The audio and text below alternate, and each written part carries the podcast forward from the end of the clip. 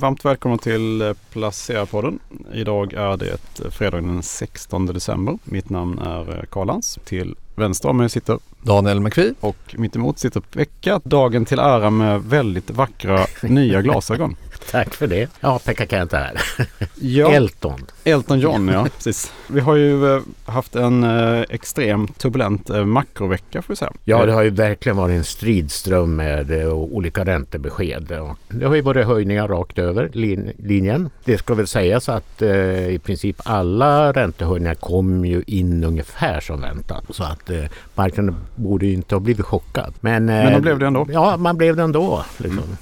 Man får ju lite skillnad på det här. Liksom. Jag tycker att eh, Federal Reserve, alltså den amerikanska centralbanken, de höjde med 50 punkter. Eh, så nu ligger räntan i spannet 4,25 till 4,50 procent. Och eh, det tycker jag väl är liksom lite rätt strategi. De har ju en helt annan inflationsbild än i Europa. Där, är, jag ska säga, Fed eh, har en, mer normal inflationskurva att bearbeta. De har inte alls, alls haft samma energichock och sådär. Det man gjorde var ju att man höjde, dels höjde räntan och dels höjde man prognosen för hur högt räntan skulle behöva gå upp under 2023. Hur högt ska den gå upp då? Ja, nej men alltså det är lite drygt eh, 5 procent då. Så det är inte så mycket kvar av räntehöjningar. Men eh, det var väl kanske lite mer än vad, eh, vad, som var prissatt på räntemarknaden i alla fall. Mm. Och Fed uttryckte också en viss besvikelse över att marknaden hade tagit ut svängarna för mycket vad gällde stopp på räntehöjningar Mm. och att man började tro på räntesänkningar redan under andra halvåret. Mm. Och det var väl en konsekvens av det vi fick se i tisdags med inflationssiffrorna från USA. Ja, eh, ja bland annat det. Och s- så att eh, det finns ett uttryck som heter Don't fight the Fed.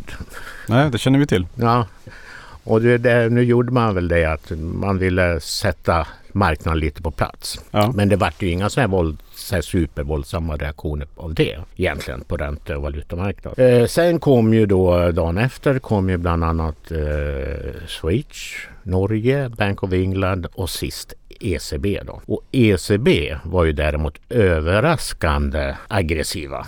Mm. Vad hände då? Eh, ja, dels höjde man ju räntan med 50 punkter då, eh, och nu ligger man på en betydligt lägre räntenivå än i USA på 2,50 då. Men, men eh, man sa att det kommer att krävas eh, fortsatt stora räntehöjningar eh, innan penningpolitiken blir åtstramande. Och det skrämde ju upp marknaden, inklusive mig. Eh, min personliga åsikt är att jag tycker att ECB tar ut svängarna alldeles för mycket.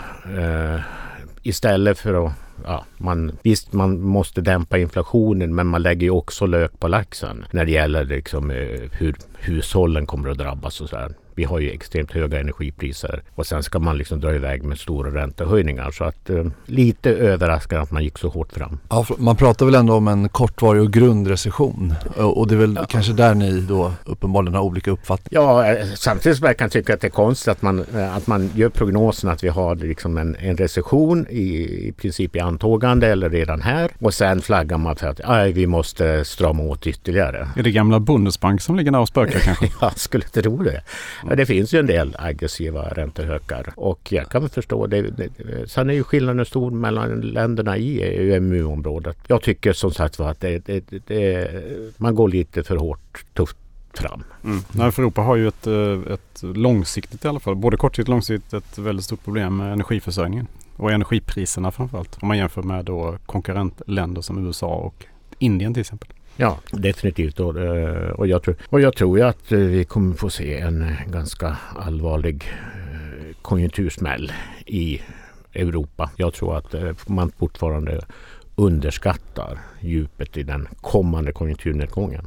Vad Ja. tror du finns för möjligheter för dem att backa på den här aggressiva tonen om vi får se det du är inne på med en djupare recession? Nej men alltså de, alltså Fed och ECB har ju dessutom lite olika mål. Alltså, Mm. Fed ska ju ta större hänsyn till den ekonomiska tillväxten medan ECB är mer inriktad bara på inflation. Och hög inflation ja, ryggmärgsreflexen blir att, att liksom höja, höja räntan. Och sen gör de ju också en prognos att inflationen kommer att vara högre än, än målet. Ja, i princip under hela 2023 och en stor del av 2024. Om jag tolkar prognoserna rätt. Vad är, vad är ECBs uh, räntetopp då? Vad har de sagt någonting då? Nej, det, det vet jag inte faktiskt. Och det, de har ju inte riktigt sagt. De, inte De kommunicerat det kommunicerar ju inte det som, Nej. som, eh, som i Federal Reserve. De, de enskilda ledamöterna i den här räntesättande kommittén, FOMK, eh, de gör ju sina egna prognoser som man då publicerar några gånger per år. Och nu kom ju nu gjorde de det i december. Men eh, i ECBs fall är det ju mer att eh, deras tjänstemän gör någon sorts prognos på tillväxt och inflation och sådär. Är det här någonting som svenska Riksbanken kommer att följa efter tror du? ECBs aggressiva tonläge. Ja, jag tycker att det ökar sannolikheten i alla fall för att Riksbanken kommer att höja i februari. Definitivt. Och då pratar vi 50 punkter eller? Ja, ska vi utgå från inflationen så blir det 50 punkter.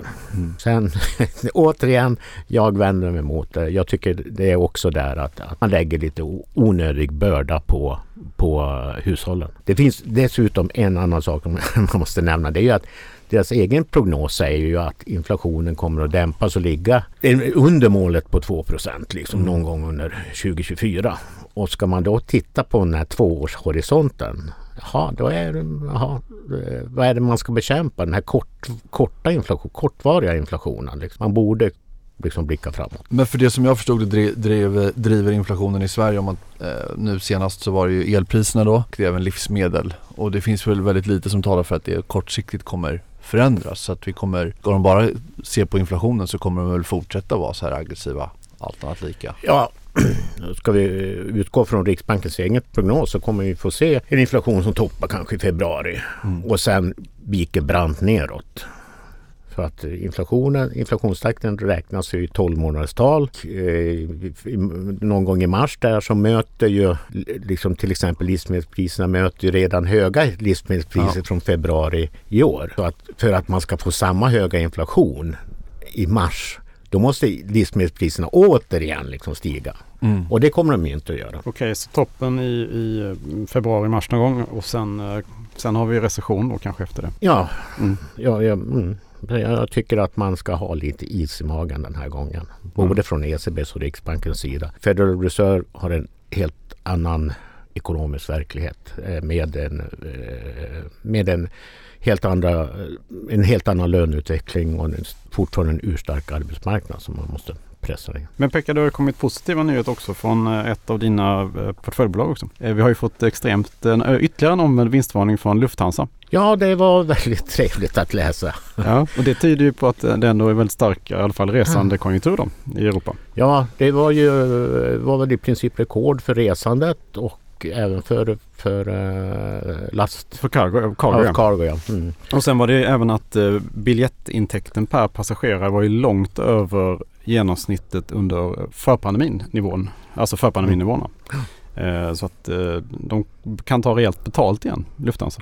Mm. Men alltså, jag, jag är glad för att oh, när jag köpte Lufthansa så, så jag är inte så här super inne på så här företag och sådär och kollar inte så mycket balans och resultaträkningar. Förlåt mig. Men eh, då tänkte jag att ja, eh, det kommer ju en revansch inom, eh, inom, eh, flyg, inom, inom flygtrafiken om, liksom när pandemin släpper och sådär. Och, och hela tiden har ju cargotrafiken gått starkt. Ja, Även under pandemin och fram tills nu då, i alla fall. Ja, det, det, var ju, det var ju transportproblem som man Ja. var ju tvungen att köra sina, sina viktiga komponenter på flygplan istället för båt. liksom. Och det har stannat kvar då. Men, men sen eh, valde jag Lufthansa för att jag så, såg att det var i alla fall ett, ett, eh, ett stabilt och stort flygbolag. Europas största. Mm. och dessutom så gjorde de ju en emission eh, där och tog in pengar rätt tidigt. Så då tänkte jag att de skulle ligga först i tåget när väl det här vände. Ja, men det var ju förutseende. Ja, även en blind höna kan hitta. Ja de till och med tripplade intäkterna läst, eller förlåt dubblade intäkterna här i, i tredje kvartalet. Det är väl ändå ganska imponerande. Nu kanske de kommer från Ja. ganska låga nivåer men Ja men det är ändå imponerande tycker Ja. jag. Det, är, eh, det var ingen som riktigt förväntade sig att eh, oktober, november här skulle vara så... De, de sa att de här månaderna Ja, exakt. vara extremt bra också. Så det hade ingen väntat sig riktigt. kan man tänka sig att det är många eh, så att säga, businesskunder, alltså företagskunder som är ute och reser igen och träffar olika affärs, är det affärsresandet eller det känns ju inte som att man tänker att det är någon explosiv ökning i liksom vanligt turistresande eller Man får ju se det lite som att, att Sverige kanske inte är liksom föregångslandet när det gäller eh, hur, vi har, hur vi har behandlat pandemin och så vidare. Hur man har stängt ner länderna och så. Men att i Europa stängde man ner mycket mer och eh, jag tror att eh, efterfrågan på att resa och sånt där. Det, det har tagit längre tid för det att komma igång och, Mm. också. Så att jag tror att det fortfarande är pandemieffekter man ser när det gäller passagerarresandetrafiken då. Eh, alltså även för fritidsresor. Men det finns säkerligen också mycket av det där säkert affärsresorna också. Det är där Lufthansa också har varit traditionellt väldigt starka också. och de har uppenbarligen lyckats ta mer betalt än innan. Ja, det kan jag själv vittna om eh, när jag ska resa nu i, eh, under jul och nyår här faktiskt. Att Ja. Det har blivit betydligt dyrare tycker jag att resa inom Europa med Lufthansa. Vad har du på hjärtat eh, Ja, McPhee? exakt. Jag, men jag har tittat på Clean Air som är ett litet bolag som handlas på börsen. Ja. ett bolag som Vad gör de för något? De gör egentligen tre saker men grunden i deras affär är rökbås. Okej, det låter inte så... mm, Det låter inte jättemodernt kanske. Nej, faktiskt inte. Det som eh, man, man kan tänka sig att det är en väldigt utdöende nisch så att säga och, och det är ingenting som växer kraftigt men däremot så har de lyckats hålla en ganska stark stabilitet i, i just rökbåsen. Det är 70% av deras intäkter som de hyr ut till eh, ja, framförallt kontor i Japan men också det man ser att eh, flygplatser eh, runt om i världen. Majoriteten av försäljningen kommer från eh, Europa och då Japan där det finns mycket lagstiftning kring rökning och utomhusrökning. Och det är många som röker i Japan. Konstigt nog. Verkligen. Kan jag intyga. Och nej men så det är egentligen grunden i deras affär. Mm. Och trots att man kan tänka sig att det här är utdöende så har de då som sagt visat en ganska stark stabilitet i den här delen. Resten av deras affär som också är det som förhoppningsvis ska växa då framåt. Det är det som kallas för air cleaners som är fristående luftrenare som kan placera sig i fabriker eller på kontor. Eh, och sen så har de också något som kallas för clean rooms som är alltså renrum som används vid i läkemedelsindustrin som är stora rum där Det får inte finnas någon smuts alls. Nej, precis. Egentligen det marknaden har velat se att de här två andra segmenten, de senare då, alltså air cleaners och clean rooms ska växa, vilket de hittills inte har gjort. Mm. Särskilt bra så att aktien har gått väldigt dåligt i år, den är ner 65%. Däremot så har de lyckats behålla eh, en god lönsamhet. De har bruttomarginaler på 70% eh, och rörelsemarginaler på 15% nu här och lite högre till och med under 20, förra året. Så att aktien är väldigt billig, den handlas på P9 Mm, Eh, det låter just- ju väldigt billigt. Ja. Mm.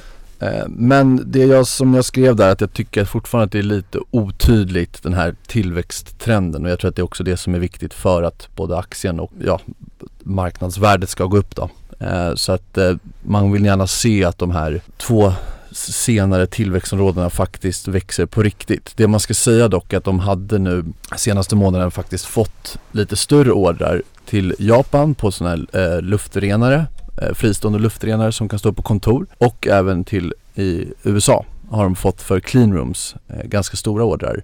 Så att det kanske är något form av genombrott som sker nu men jag skulle nog ändå vilja vänta lite grann och se att det faktiskt visar resultat. Även om du kanske missar den initiala uppgången i vändningen eh, så vill man gärna se att det är lite starkare momentum.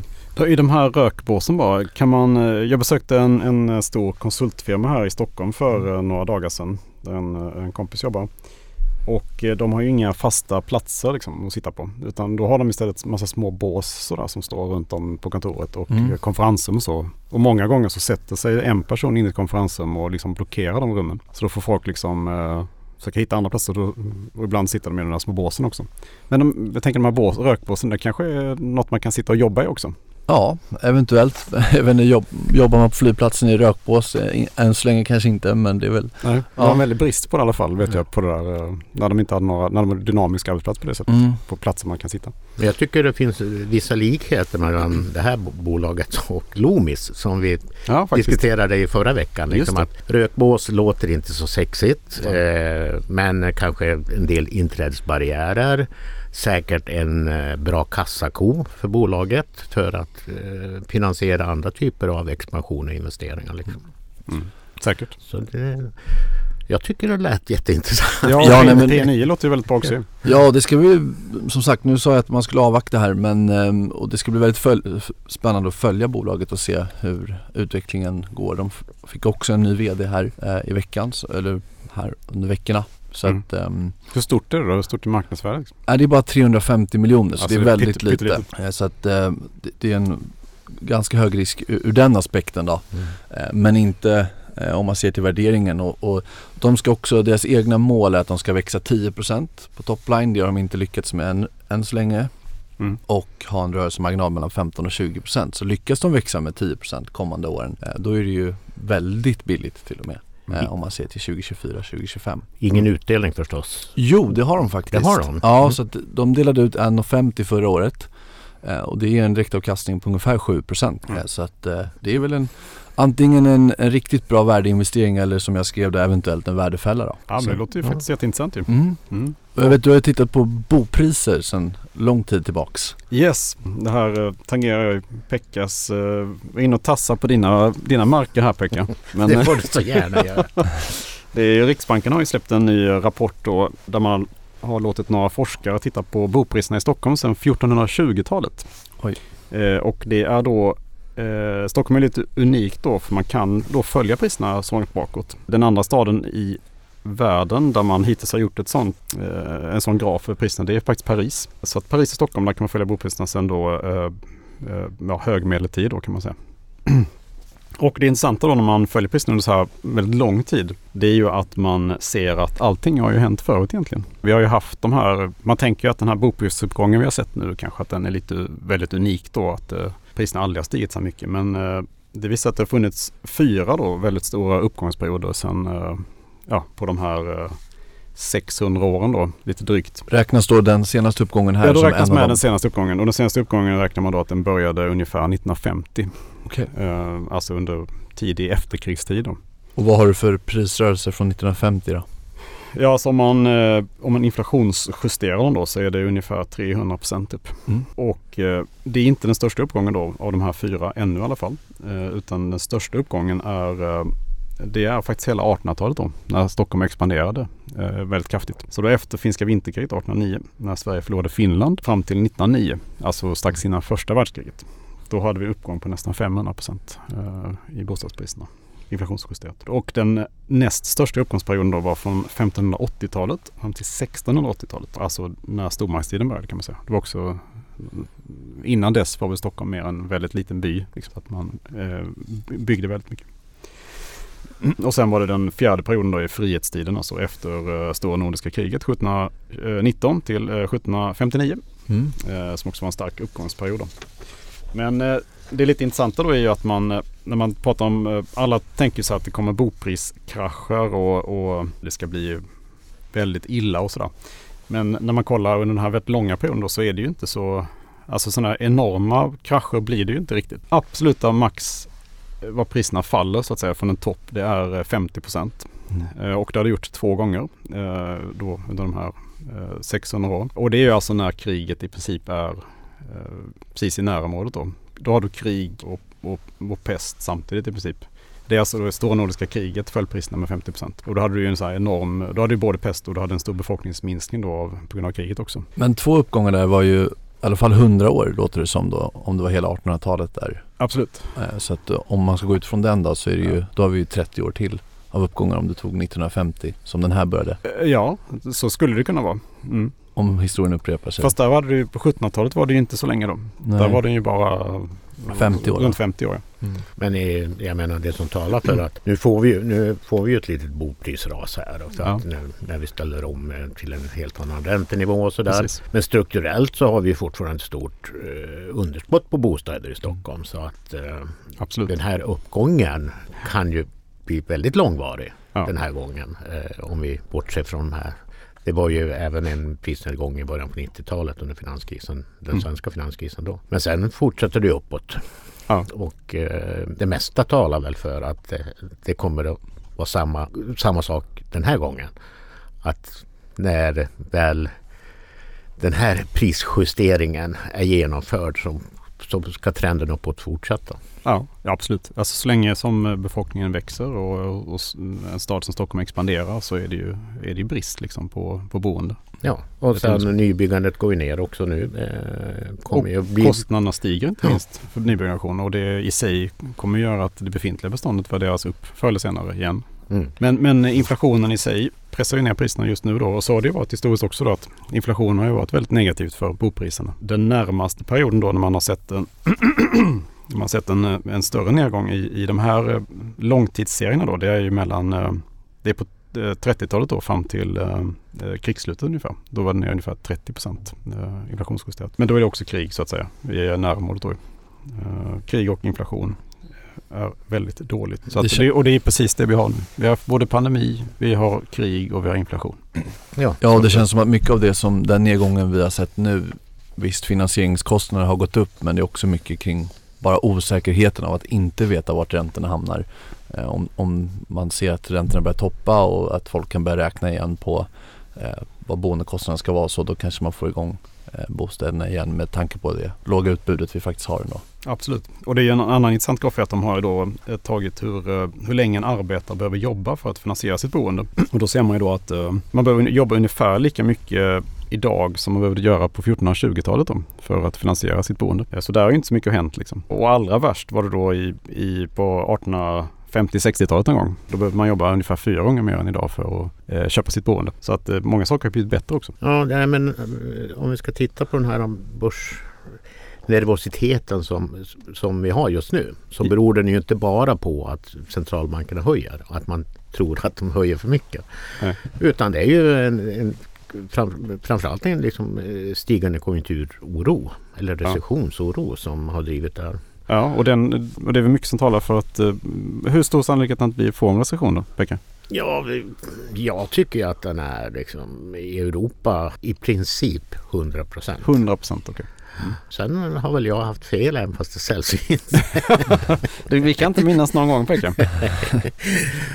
Men, ehm, men eh, ur den aspekten så kom det faktiskt lite positiva siffror här på fredagsmorgonen när inköpschefsindexen för eh, de preliminära inköpschefsindexen för december publicerades. Och då var ju nedgångarna inte så stora. Eh, tvärtom så var det en del uppgångar. Nu ligger de visserligen fortfarande i negativt territorium, alltså under det här magiska 50-strecket som är gränsen mellan tillväxt och, och nedgång. Men eh, i alla fall så är det eh, till exempel betydligt bättre i Tyskland än man hade mm, index var bättre än väntat va? Ja just det. Mm. Och sen eh, tjänstesektorn backar ju inte utan tvärtom det var det upp i Tyskland och Eh, men sen var det väl svagt ner i, i Frankrike. Det talar ju lite grann emot mitt så att mm. säga recessionsscenario. Jag tror att vi bara har sparkat den här stenen eller burken, recessionsburken.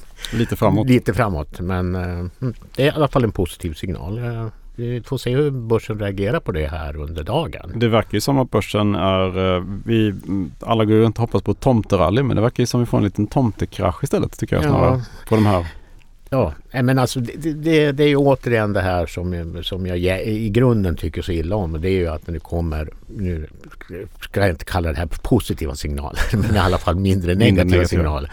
Ja, det betyder ju bara att ha sannolikheten för att centralbanken går vidare med räntehöjningar stiger ju. Så att eh, Precis. good news för konjunkturen är bad news för räntan. Liksom. Och, och tvärtom, eh, vilket jag kan tycka är lite jobbigt.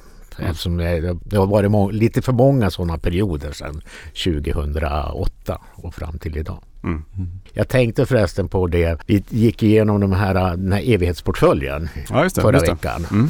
Och sen eh, vart jag intresserad. Jag hade läst artikeln och så började jag kolla på siffrorna. Mm. Och evighetsportföljen har ju, hade ju bara haft fem stycken minusår ja, på sedan 70-talet. Sen 72 ja. Mm. Mm. Fyra av dem har kommit nu, ja, precis, under den senaste tioårsperioden. Ja, ja. Så det är liksom någonting som har varit vad ska jag säga, fundamentalt fel. Ja, något, som, något som börjat gå, gå sönder lite grann. Ja, kanske. precis. Och det, är, det är ju givetvis den här nollräntorna och, och att eh, centralbankerna har köpt obligationer som spelar stor roll för att till exempel man har fått dålig avkastning på mm på långa, långa, långa, både på långa och korta räntor som ska vara det skyddet som evighets portföljen ska bidra I kriser, ja precis. Mm. Ja. Så det var, tyckte jag var väldigt intressant att se. Ja. Tror du att vi någonsin kommer tillbaka till nollränta igen Pekka? Eller är de döda nu för alltid? Q, QE och uh, nollränta döda? De borde vara det. Mm. Det här var ett, liksom, det här var ett experiment som jag tycker inte föll särskilt väl ut. Det har byggt upp en massa obalanser. Eh, bland annat, inte bara kanske på, på aktiemarknaden utan även på bostadsmarknaden. Inte bara i Sverige utan det här är ju ett eh, närmast världsomspännande fenomen. Och som vi nu kanske får betala priset för. Men nu har vi öppnat Pandoras ask med nollräntor så att eh, det, det ingår ju numera i arsenalen. Mm. Ja, minusräntor får vi i alla fall inte. Nej, det hoppas jag verkligen inte. Ja, Jag, jag tror att eh, i alla fall att det, det, det är väldigt, eh, det blir väldigt svårt för centralbanken att gå tillbaka till nollräntor och att det kommer att finnas ett stort motstånd mot det. Ja, vad ska vi ta lite egna affärer? Inför Vad, 2023. vad har du gjort då McPhee? Har du, du ser så på hugget ut här. Jag har brottats hela veckan med att försöka sälja och insett hur värdelös jag är på att sälja. Som, Det, är, det är väl alla liksom. ja, Nästan alla. Och det har väl varit ganska bra, inte just i år kanske men åren innan har det varit bra. Men jag tänkte att, eh, jag vet att ni pratade lite om det förra veckan att ni vill ha lite torrt krut inför nästa år. Ja, det har vi, har vi nu. Och det har ni redan fixat ja. Yes, det har vi. Ja, och jag vill inte heller vara sämre så att eh, jag känner väl samma sak att under nästa år så borde det kunna finnas några fina köplägen härifrån. Mm. Eh, så att eh, jag har brottats hela veckan med att försöka komma till skott och sälja Mm. och eh, kom, lyckades sälja här nu i morse. Mm. Eh, Och så- det var Erik Selin som hjälpte dig eller? Ja, han tog in en, gjorde en riktad emission där till AMF. Alltså Mm. då pratar vi Balder alltså. På 1,8 miljarder och aktien gick väl upp 6% eller något. Mm. Och de här aktierna köpte jag ju också, jag tror att det var i slutet på september när det var väldigt oroligt kring både eh, börsen generellt men också Så det var fastighetsmarknaden. bra timing. Det blev en bra timing eh, så att då hade jag gjort 30% där. Så att de, där sålde jag hälften vilket ändå tar emot för att jag vill nog som princip faktiskt bara äga, äga på så att säga. Och sen sålde jag lite Surgical Science och det var egentligen mest med argumentet att det är den som väger tyngst i min portfölj. Så Mm. att jag ville komma ner till 10% kassa. Så det var teknisk karaktär. Exakt, det får man nog säga. Mm.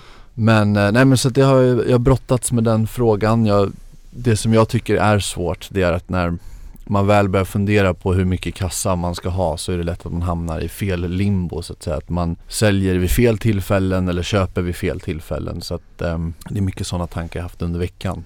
Eh, Mm. att jag, jag vet att jag vill ha torrt krut för nästa år men när jag går igenom portföljen så är det inte heller någonting jag vill sälja. Men då får man kanske vara lite mer mekanisk och bara utföra det så att säga. Mm. Ja men det kan säkert vara klokt. Ja, själv då? Har du gjort någonting? Nej men jag har ju, eh, jag har ju rensat så jag har lite kassa nu Ja. eh, inför nästa år. För att jag eh, ser väl också den här recessionsrisken som väldigt stor. Mm. Kanske också, kanske upp till 100% som Pekka ser det. Så att jag, jag ligger redan som en gädda där och lurar i vassen på att börsen ska komma ner. Men kan så man man tänka, kan hugga skulle det kunna vara så om nu Pekka förmodligen får rätt om med en, en mer kraftig recession att vi får lägre räntor som ändå eldar på börsen till nästa år? Ja det kommer ju bli så. Det är klart det, det kommer inte vara någon jättelång eh, eh, nedgång på börsen kanske. Eh, det kan ju vara så att, men, men vi, vi kommer ju sannolikt ha en nedgång men, eh, men redan kanske i, i slutet av andra halvåret nästa år till exempel. Då kan det hända att man eh, ser att, eh, att konjunkturen är på väg upp för 2024 liksom, Mm. och att man tar ut det då. Jag tror inte att det är någon, eh, går det ner mycket så tror jag man ska köpa på sig. Ja. Vad, vad tänker du Pekka? Vad, vad, vad har du gjort någonting? Nej, jag har inte gjort någonting. Jag ligger där med njuter min med- ganska med din stora Lufthansa. kaffe. Ja, glad över Lufthansa. Mm. Ledsen över en del annat. Nej, men alltså, det finns ju ett scenario som jag, jag tycker om och som kanske börsen kommer att ta fasta på. Och det är ju, nu talar det mesta för att centralbankerna kommer att höja i februari. Eh, inflationen kommer inte hinna gå ner utan det kommer vara nya liksom jättehöga siffror. Eh, amerikanska arbetsmarknaden är fortfarande stark så Fed kommer också. Eh, nu vet jag inte nästa möte om det är i februari. Det blir räntehöjningar från Fed, ECB, Riksbanken och sådär. Men sen efter det så tror jag att då kommer vi få se ganska svaga konjunktursignaler i början på nästa år. In i februari, mars någonting. Men då börjar inflationen falla. Mm. Och då kommer det att börja spekuleras. Ja, definitivt att räntetoppen är över. Mm. Men det kommer också börja spekuleras kring räntesänkningar. Vilket, vilket var någonting som drev den här börsuppgången oktober-november. Och eh, frågan är då liksom om man ska man försöka tajma in den. Eh, risken är att man blir väldigt sen. Att de missar det. Mm. Men om man kollar, jag har kollat på en historisk graf när det gäller eh, Fed då, i alla fall. Att, eh, och vad börsen brukar bottna. Och då brukar det vara så här att den riktiga börsbotten brukar komma först efter att Fed har sänkt minst en gång i genomsnitt. Där någonstans ligger börsbotten. Så de ska ha börjat sänka redan. Inte att toppen då, utan de ska sänka en gång och sen där är börsbotten i genomsnitt. Då. Det, det är ju, vet man inte om det stämmer men Nej men får vi dålig data här i början på året då känns det som att eftersom börsen har en tendens att fokusera på ungefär en eller två saker samtidigt så blir det väl det man väljer att fokusera på och sen kanske efter en tid börja fokusera lite mer mot slutet av 2023 2024 då. Mm. Och då eventuellt då räntesänkningar så att det är väl då den börjar kanske ta fart. Mm. Men eh, det bör väl ändå vara så att om vi får riktigt dålig data att, att börsen borde komma ner. Vi fick väl redan nu lite svagare detaljhandelssiffror från USA va? Mm. Ja, i löpande priser, märk väl, så eh, sjönk vad heter det, försäljningen med 0,6 procent i detaljhandeln i november. Mm. Och det, så det var ju en ganska tydlig signal om att eh, hushållen börjar strama åt. Och mm. jag tror att vi också kommer få se det kanske väldigt tydligt i Europa när det gäller julhandel och sådär. Så att, mm. Eh, det blir intressant att följa. Sen tror jag att mycket av nyckeln om vi säger att USA-börserna är ledande så är det ju amerikansk arbetsmarknadsstatistik som eh, jag tycker är den, den är alltid högintressant men den är extra intressant den här gången. Mm. För man vill ju se, eller Fed vill absolut se att det lugnar ner sig på arbetsmarknaden mm. innan man kan börja resonera i, i, ränt, i att räntetoppen definitivt är nådd och att man kan börja lätta på penningpolitiken. Mm. Ja, det blir spännande. Stort tack för att ni har lyssnat. Tack, tack så mycket. Tack. Trevlig helg. Hej. Hej.